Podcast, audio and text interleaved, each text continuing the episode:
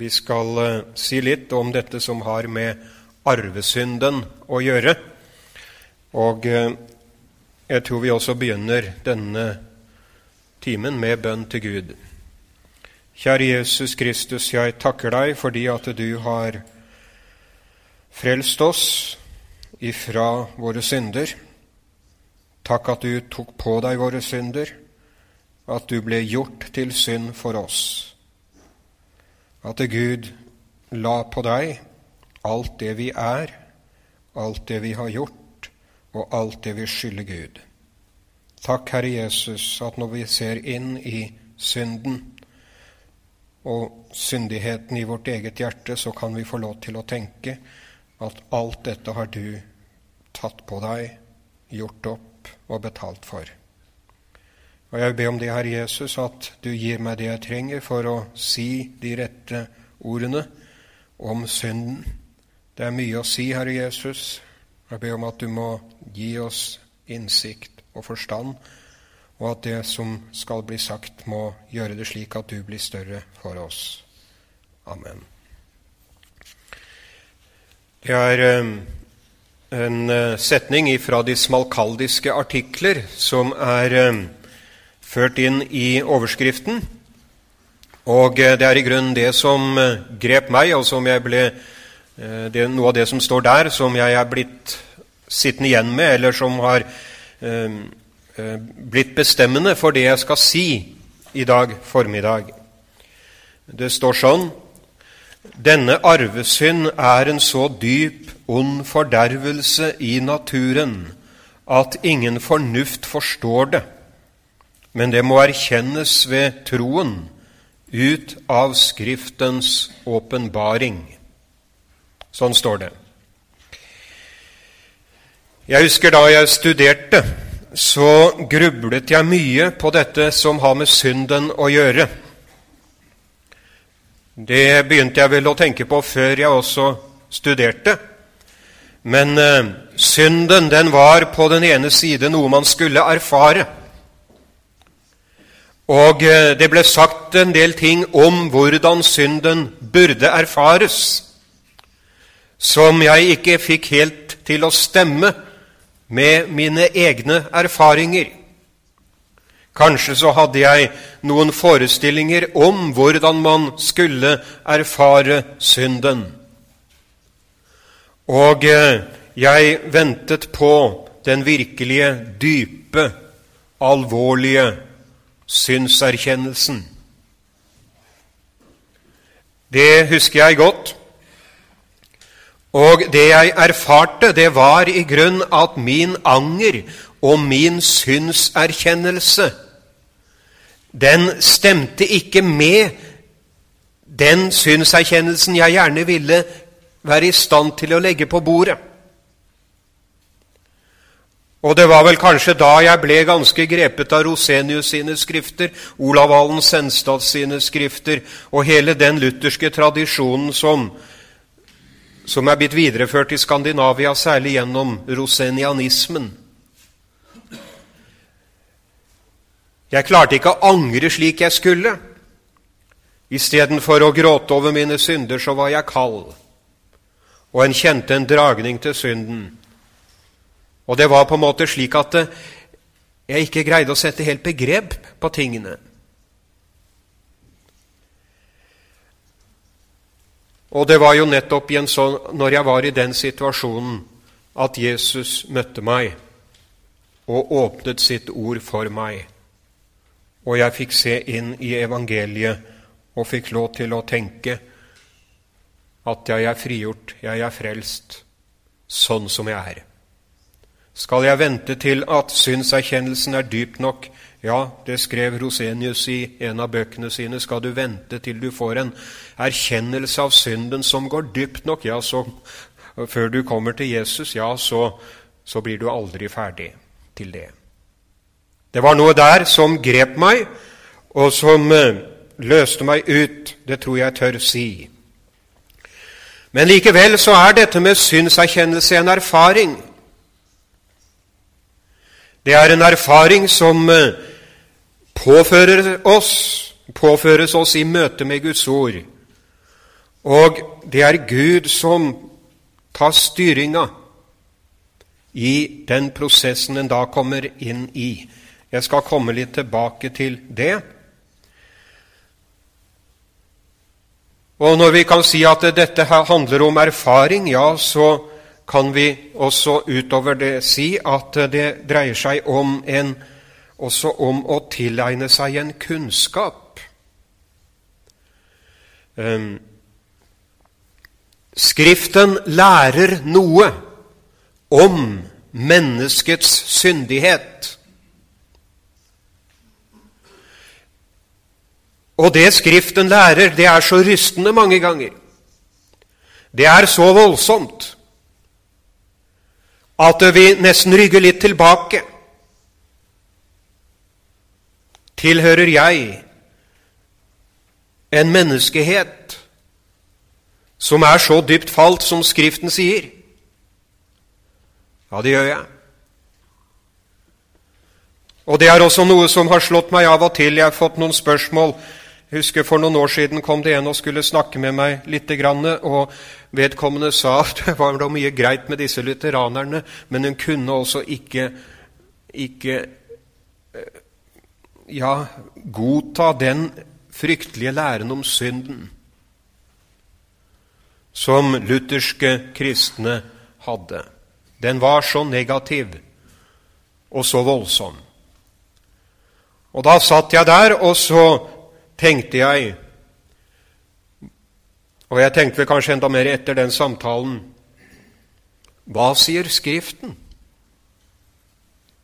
om synden?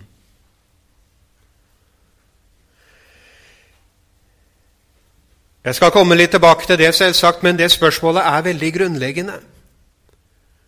Hva sier Skriften om synden? Denne arvesynd er en så dyp, ond fordervelse i naturen at ingen fornuft forstår det, men det må erkjennes ved troen ut av Skriftens åpenbaring. Det ble ganske klart for meg når jeg holdt på med studiene, det skjedde med meg som de aller, aller fleste andre, at vi forsto at det er en dyp sammenheng, grunnleggende, et grunnleggende forhold i hele den kristne tro mellom det vi lærer om synden, og det vi lærer om frelsen. Det sto klart allerede for de første tenkerne som gjorde seg gjeldende i Oldkirken. Det er liksom to pilarer i den kristne tro. På den ene side læren om synden og syndefallet. På den andre siden læren om Jesus Kristus, den første og den andre Adam.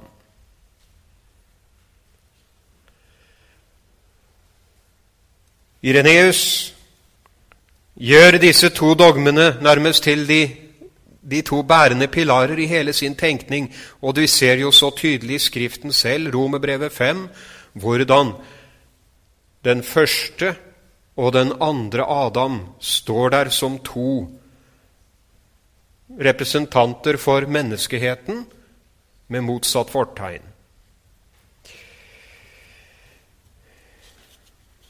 Det ble klart for meg ganske tidlig at eh, dersom læren om menneskets syndighet og menneskets problem i forhold til Gud ikke blir forstått rett, så vil det etter hvert få en dominoeffekt innad i hele, den, hele troen, i alt hva vi lærer. For det vi lærer om synden, om fallet, det korrelerer med det vi lærer om frelsen. Hva skal jeg frelses fra? Hørte det senest i sommer disse, denne si, formuleringen eller disse oppfatningene som er blitt gjentatt utallige ganger eh, i vår tid. Man må finne det moderne mennesket. Spør, det, det er ikke kjent med syndens problem. Det søker ikke en nådig Gud. Og så sa den teologen jeg snakket med da, vi må finne frem til hva som er det moderne og nå vi helst, bør vi vel helst si det postmoderne menneskets problemstilling.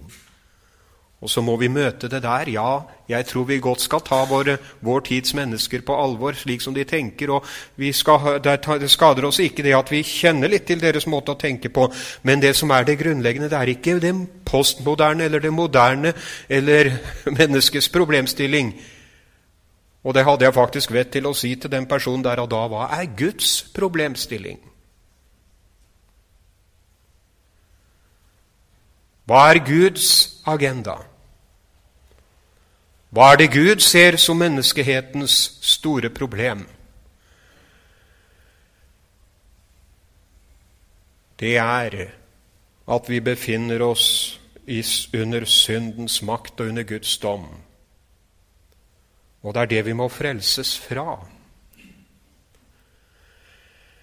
Og Jeg har jo lest litt teologi opp gjennom årene. Det er folk her som har lest mye mer enn meg, men noe har jeg lest. Og det slår meg når jeg blar i diverse dogmatiske fremstillinger, og dem kommer det jo noen av. Ikke så mye her i Norge, men vi får noen nye etter hvert. Når du leser dem, ser på innholdsfortegnelsene og ser etter læren om synden så ser du i flere tilfeller at den ikke figurerer der som et eget tema overhodet. Eller du ser den føres inn i prolegomene, som vi teologer sier, altså i innledningsstoffet. Og at det utvikles en lære på en måte i La oss si på, ofte på filosofiens premisser. Eksistensialfilosofien har på en måte vært en gjenganger. Det er den som ligger i bånn av den postmodernistiske tenkningen også. Og så skal mennesket liksom definere seg selv. Og definere sitt problem. Og så er det Gud. Jeg håper å si, Så skal vi ut ifra det destillere ut det i Skriften som kan gi oss hjelp og gi det moderne mennesket hjelp til å komme inn i en frigjort eksistens. Paul Tillich, hvis dere har lest han, det har dere kanskje noen har gjort det, han er liksom en sånn erketeolog, eller erkerepresent for den måten å tenke på. Mennesket definerer sitt problem, teologien skal svare. Og da blir jo forståelsen av frelsen bestemt av, for å si det enkelt, av menneskets selvdefinisjon. Hva skal jeg frelses fra? Hvorfor kom Jesus? Ja, Leser du de dogmatiske fremstillingene, så ser du hvordan læren om arvesynden og læren om frelsen hele tiden passer i hverandre. Det ene gir i stor grad premisset for det andre. Og da er det som jeg har tenkt en del på når jeg arbeidet med dette foredraget Hva er det som på en måte settes på spissen i det avsnittet fra smalkaldiske artikler som en eller annen har valgt å, å sette i overskriften? Jo, vår situasjon som mennesker. Arvesynden er en sånn dyp og ond fordervelse i naturen at ingen fornuft forstår det. Men det må erkjennes ved troen ut av Skriftens åpenbaring.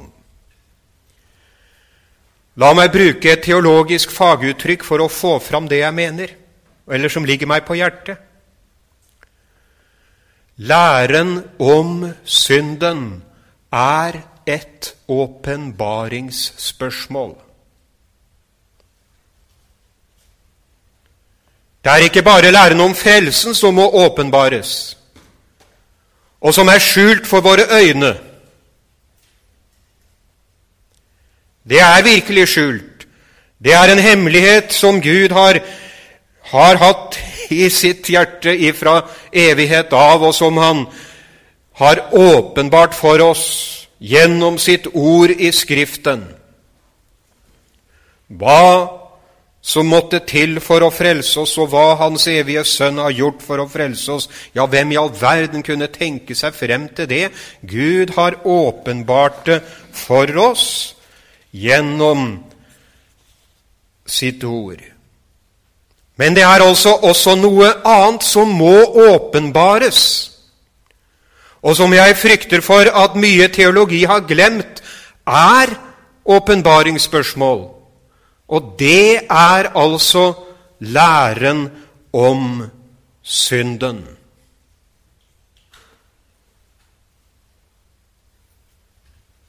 Det er noe Gud må åpenbare. Og Gud har åpenbart det i sitt ord. Og eh, det var i grunnen det som jeg tror var noe av det aller mest fundamentale, grunnleggende, i den lutherske reformasjonen da den kom. Leser vi Confessia Augustana, som eh, har fått en sentral plass i de foredragsrekkene som vi har her, ja, så leser vi om menneskets syndeforderv i artikkel 2. Da Confessia Augustana ble presentert på riksdagen i Augsburg, så ble det klart for alle at den lutherske læren om arvesynden var mye mer radikal og gikk mye dypere enn de oppfatningene som ellers gjorde seg gjeldende i den katolske kirke. Og Hva var grunnen til at man innen den bestående kirke den gangen hadde utviklet en lære om synden som Ja, hva skal vi si Syndens alvor ble minimert. Grunnen var, i hvert fall en avgjørende grunn, var at læren om synden ikke lenger ble basert på prinsippet Skriften alene. Den katolske læren var, den gang som nå, bestemt av et annet utgangspunkt. Det er særlig Thomas Aquinas som det vises til, naturlig nok.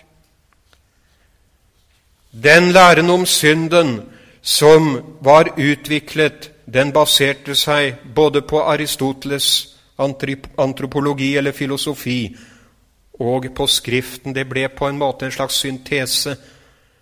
Og derfor hadde man gjennom århundrene beveget seg bort fra Kirkens store kirkefader Augustin,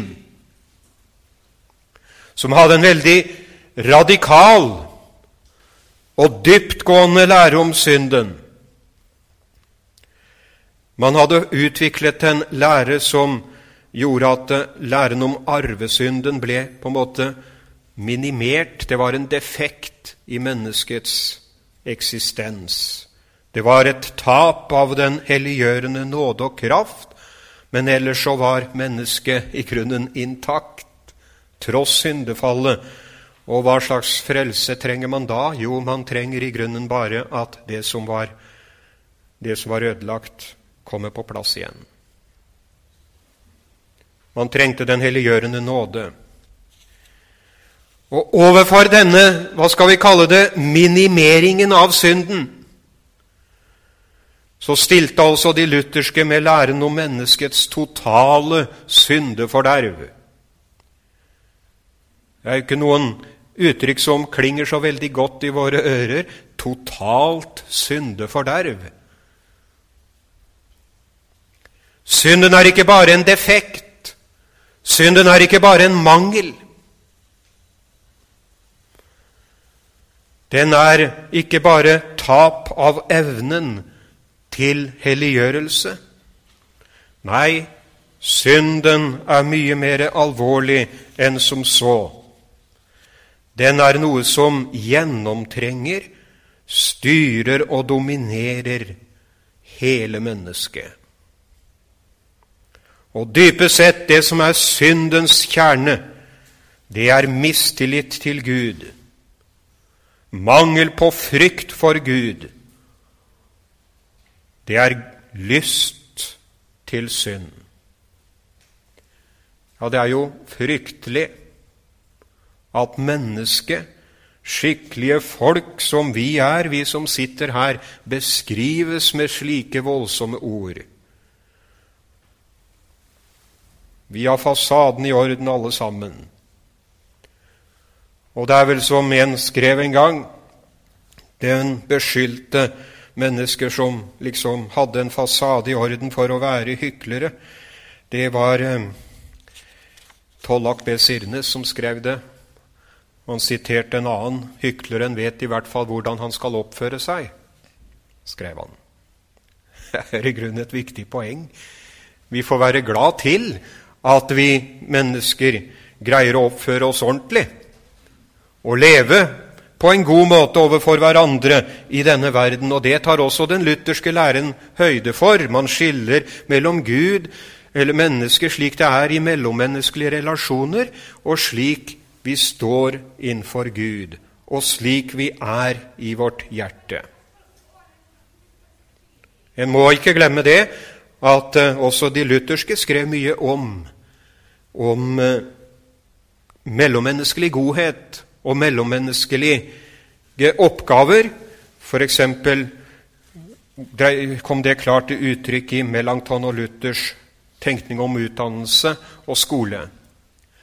Man snakket om mennesket i forhold til Gud og om mennesket i den mellommenneskelige relasjonen.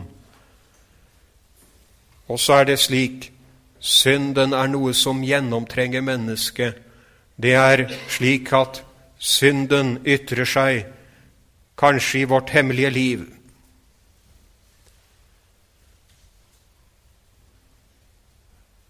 Jeg tror det er godt det at ikke vi snakker så høyt om, om hvordan det egentlig står til med oss.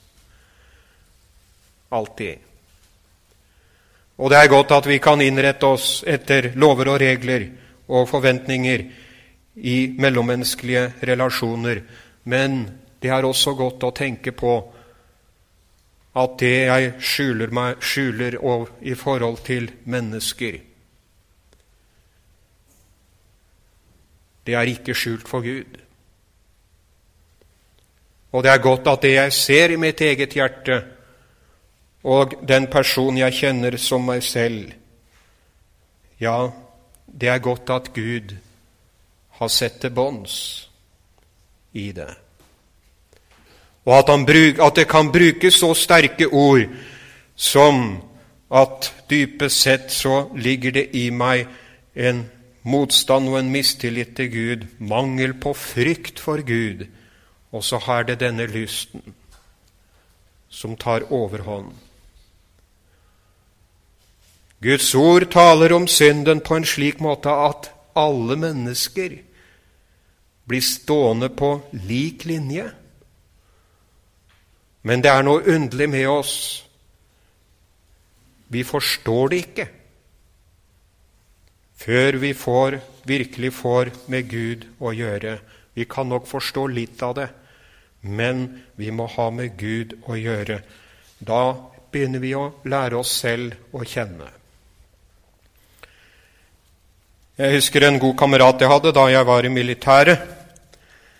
Jeg tror ikke han fikk anmerkninger på skolen. Det kan i hvert fall ikke ha vært mye, og da må det ha vært en feiltagelse. Det er jeg ganske sikker på. For det var ikke mye galt å si om han. Og jeg husker det, han var da en kristen. Og så var han og jeg, etter at vi var ferdig med militæret, så var vi ute på fisketur.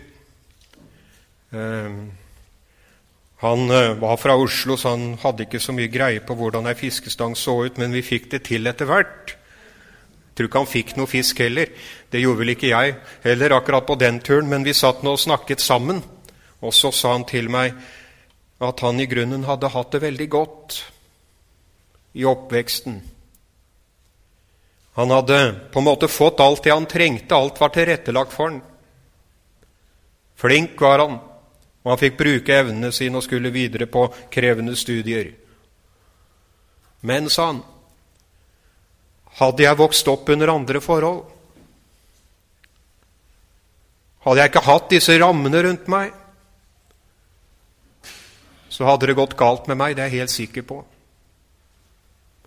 For jeg kjenner det er noen krefter i dypet av min sjel. Det var det han snakket om. Det var synden.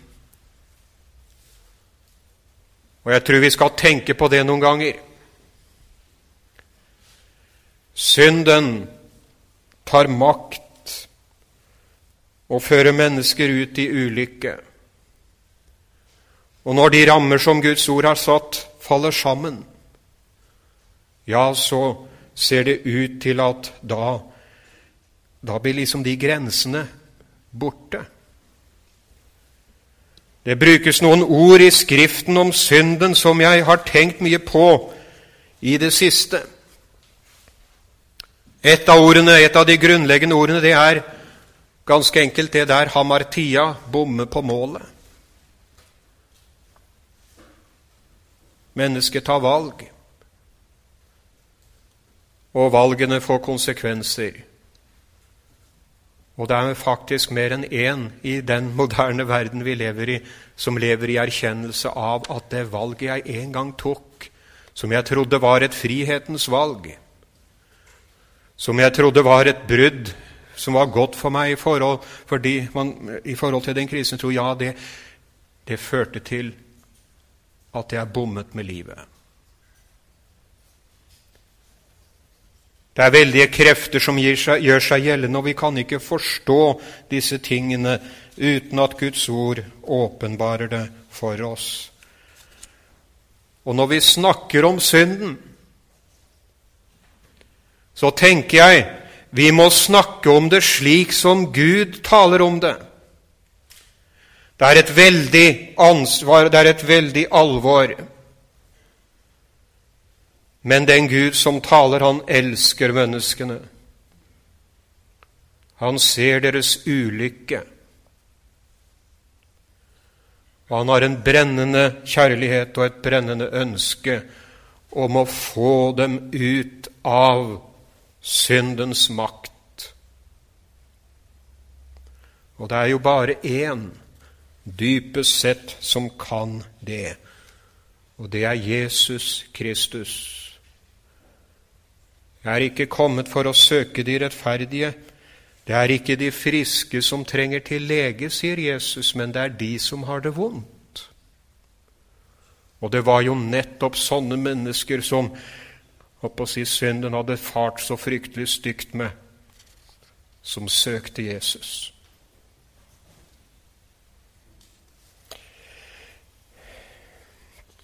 Læren om arvesynden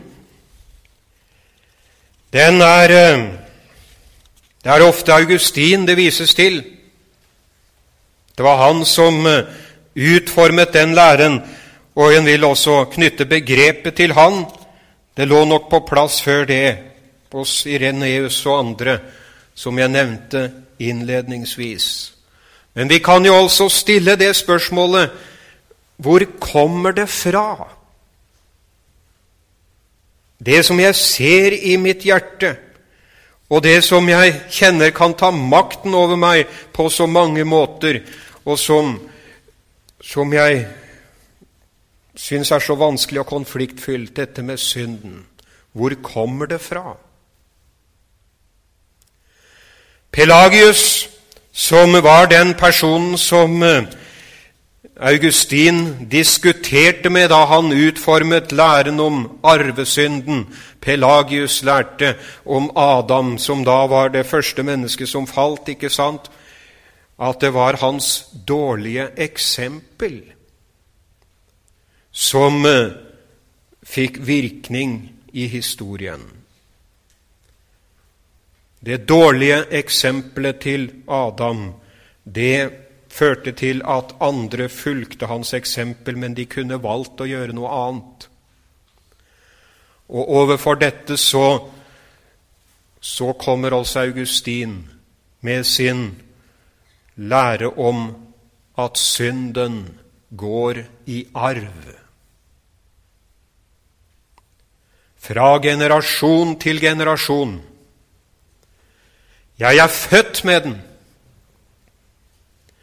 Det skjedde noe i tidens morgen som gjorde at jeg ble fanget inn i syndens makt. Det var Adam og Evas opprør imot Gud. Det førte hele menneskeheten inn under syndens makt, og det førte til at syndens forderv gjennomtrengte oss og ligger der i dypet av vår sjel. Ja, ja, da er jeg jo født slik, sier vi. Hva kan jeg gjøre med det? Jo, det tales i Skriften også om at Gud at du har en skyld for syndigheten. Og Det har vært spekulert mye på i teologien hvordan det kan forklares, og jeg tror ikke vi skal gå så mye inn på det her. Men det er noe ganske underlig det med at synden går i arv fra generasjon til generasjon. Den ligger der i sjelens dyp. Og så er det da særlig Søren Kirkegård som har påpekt det i sine skrifter, kanskje fremfor alt i boken 'Begrepet angest'. Og andre skrifter 'Sykdommen til døden'. At det ligger også en bevissthet om skyld i mennesket. Den sover, og vi er på flukt fra det. Men det er et fenomen. Hva er min stilling i forhold til Gud? Hva er syndens rot? Jo, vi kan få hjelp av psykologer og filosofer til mange ting, men her må de stille pass. Johan Gerhard, som jeg har fått lov til å lese litt av i de senere, det seneste året jeg har lest, ja, Det er nå jeg først har fått sjanse til å lese han, for nå er han å få på engelsk, og vi slipper å lese han på latin. Det er, det er han, han skriver om det han kaller for rotsynden. Og da viser han også til Martin Luther. Martin Luthers forklaring til første Mosebok. Og ved å bruke dette uttrykket 'rotsynden', så vil han peke på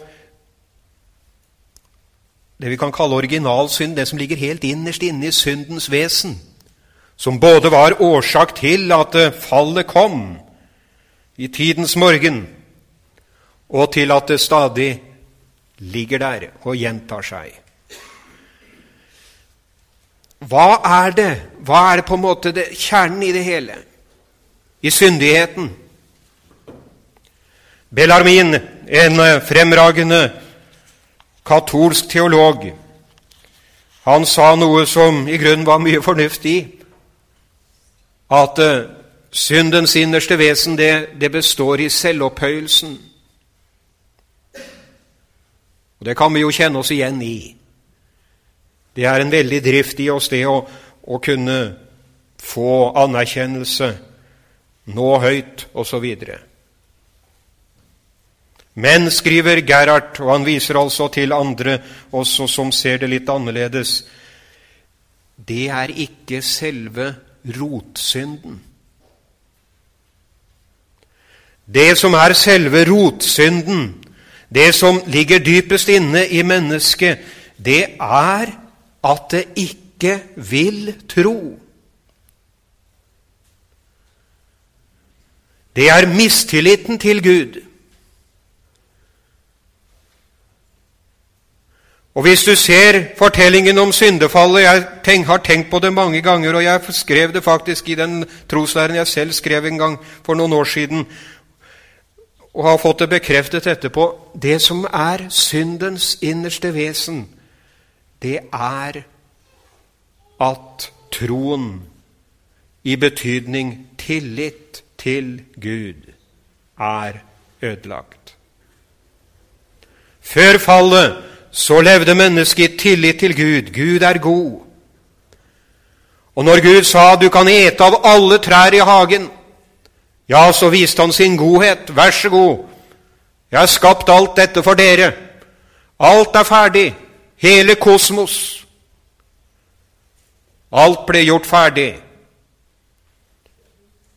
Og på å si som en mor lager vuggen ferdig og, og klær ferdig og gjør det klart når hun venter et barn, slik at barnet kan få bare bli lagt inn i det. Slik gjorde Gud når han skapte.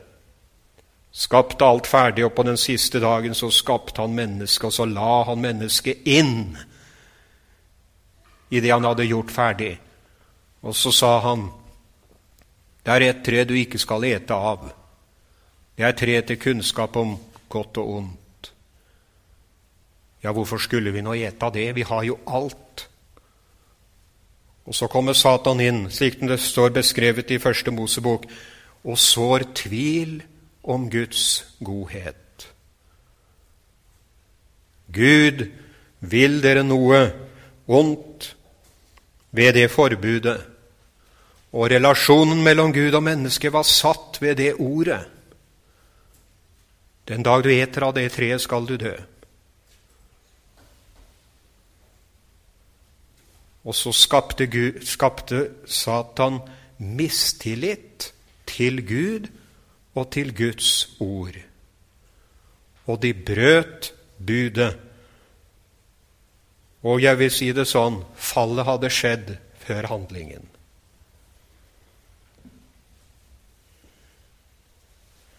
Mennesket har angst for Gud. Mennesket flykter fra Gud. Det ligger dypt, dypt i vår bevissthet.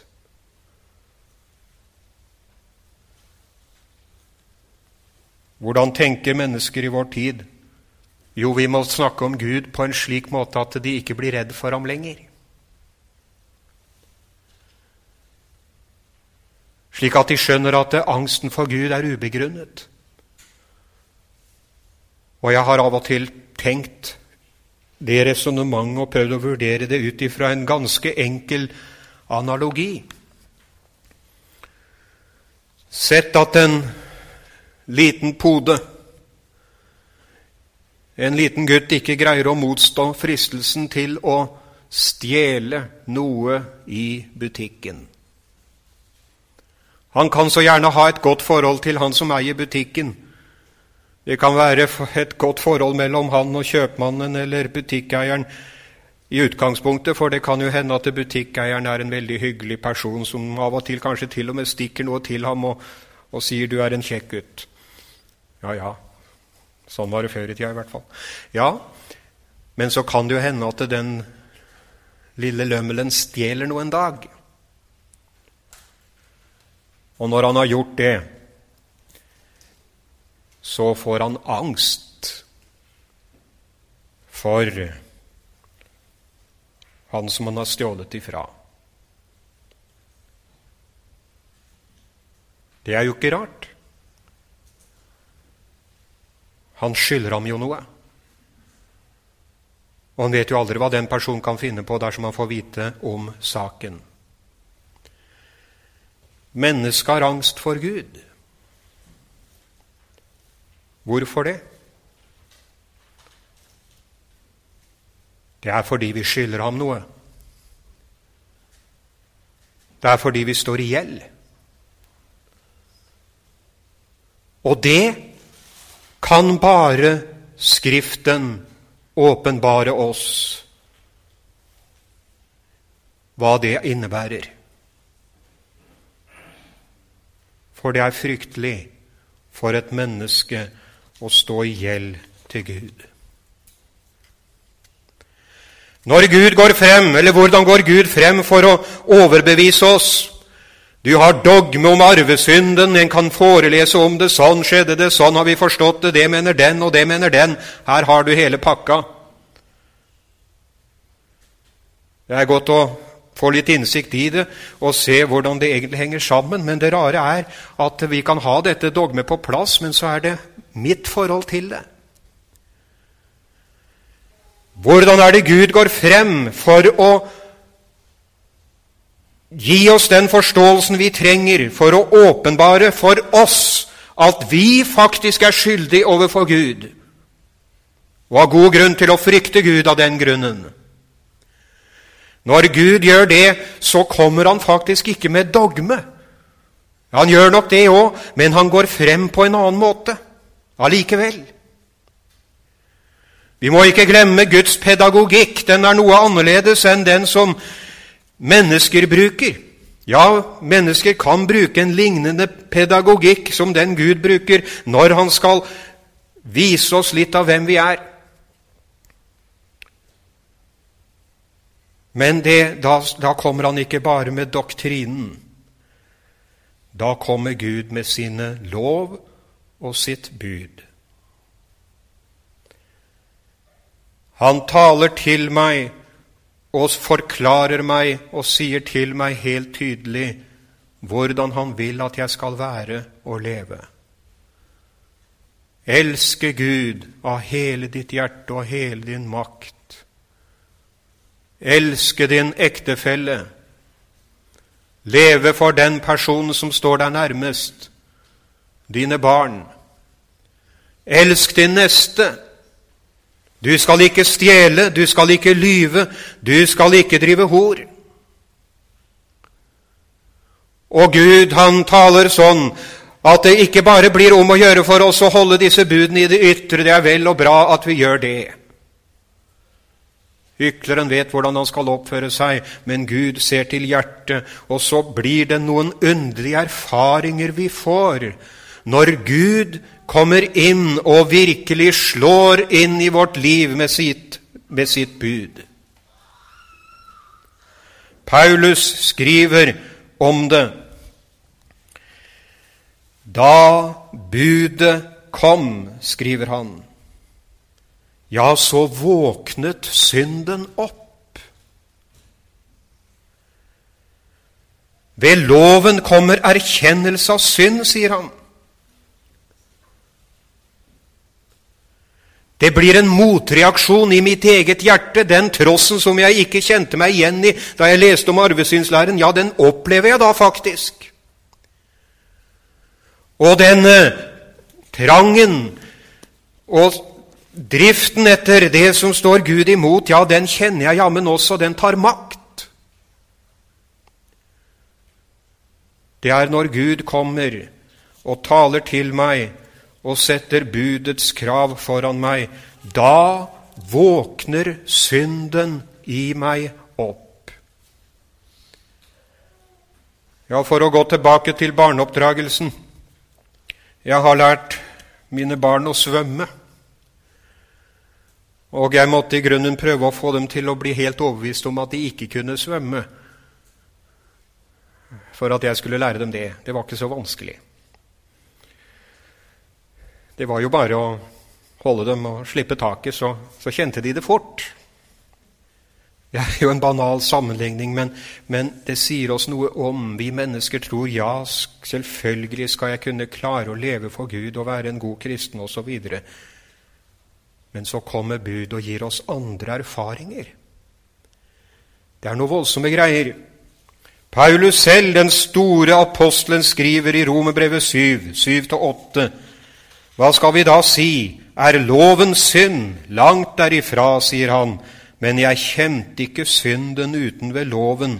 For begjæret hadde jeg ikke kjent dersom ikke loven hadde sagt, du skal ikke begjære. Men synden benyttet seg av bud og vakte alle slags begjær i meg, for uten lov er synden død. Det er rart at Guds bud skal ha en sånn effekt på oss.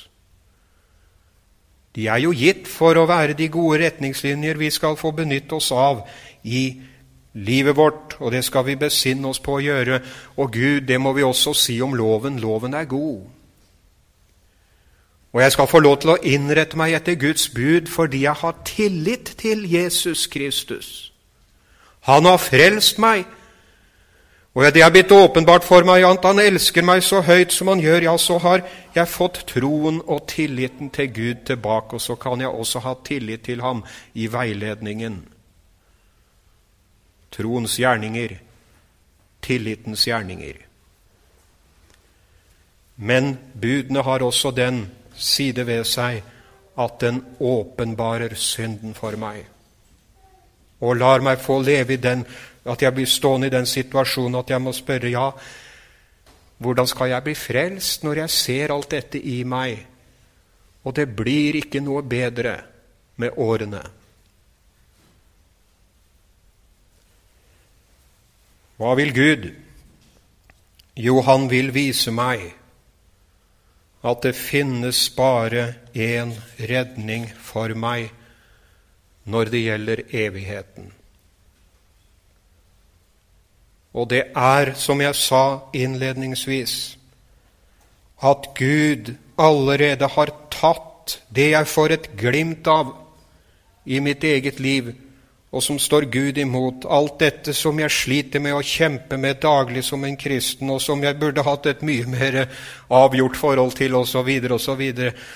Alt det der har Gud lagt på Jesus. Der synden ble stor, ble nåden enda større, står det.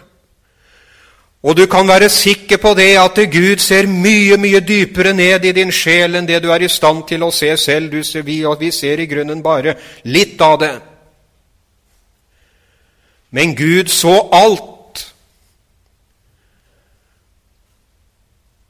Og konklusjonen når det gjelder arvesynden, den er jeg kan jo ikke frelse meg selv for alt hva jeg vil gjøre og være for Gud. Ja, det blir preget av denne syndigheten, og det blir urent. Så det skal jeg få slippe å regne med. Men Jesus har gjort alt som trengs. Gud krever ikke mer av meg med tanke på min frelse. Troen Adam og Eva mistet troen fordi de hørte på Satan. Når du hører et ordet om Jesus Kristus,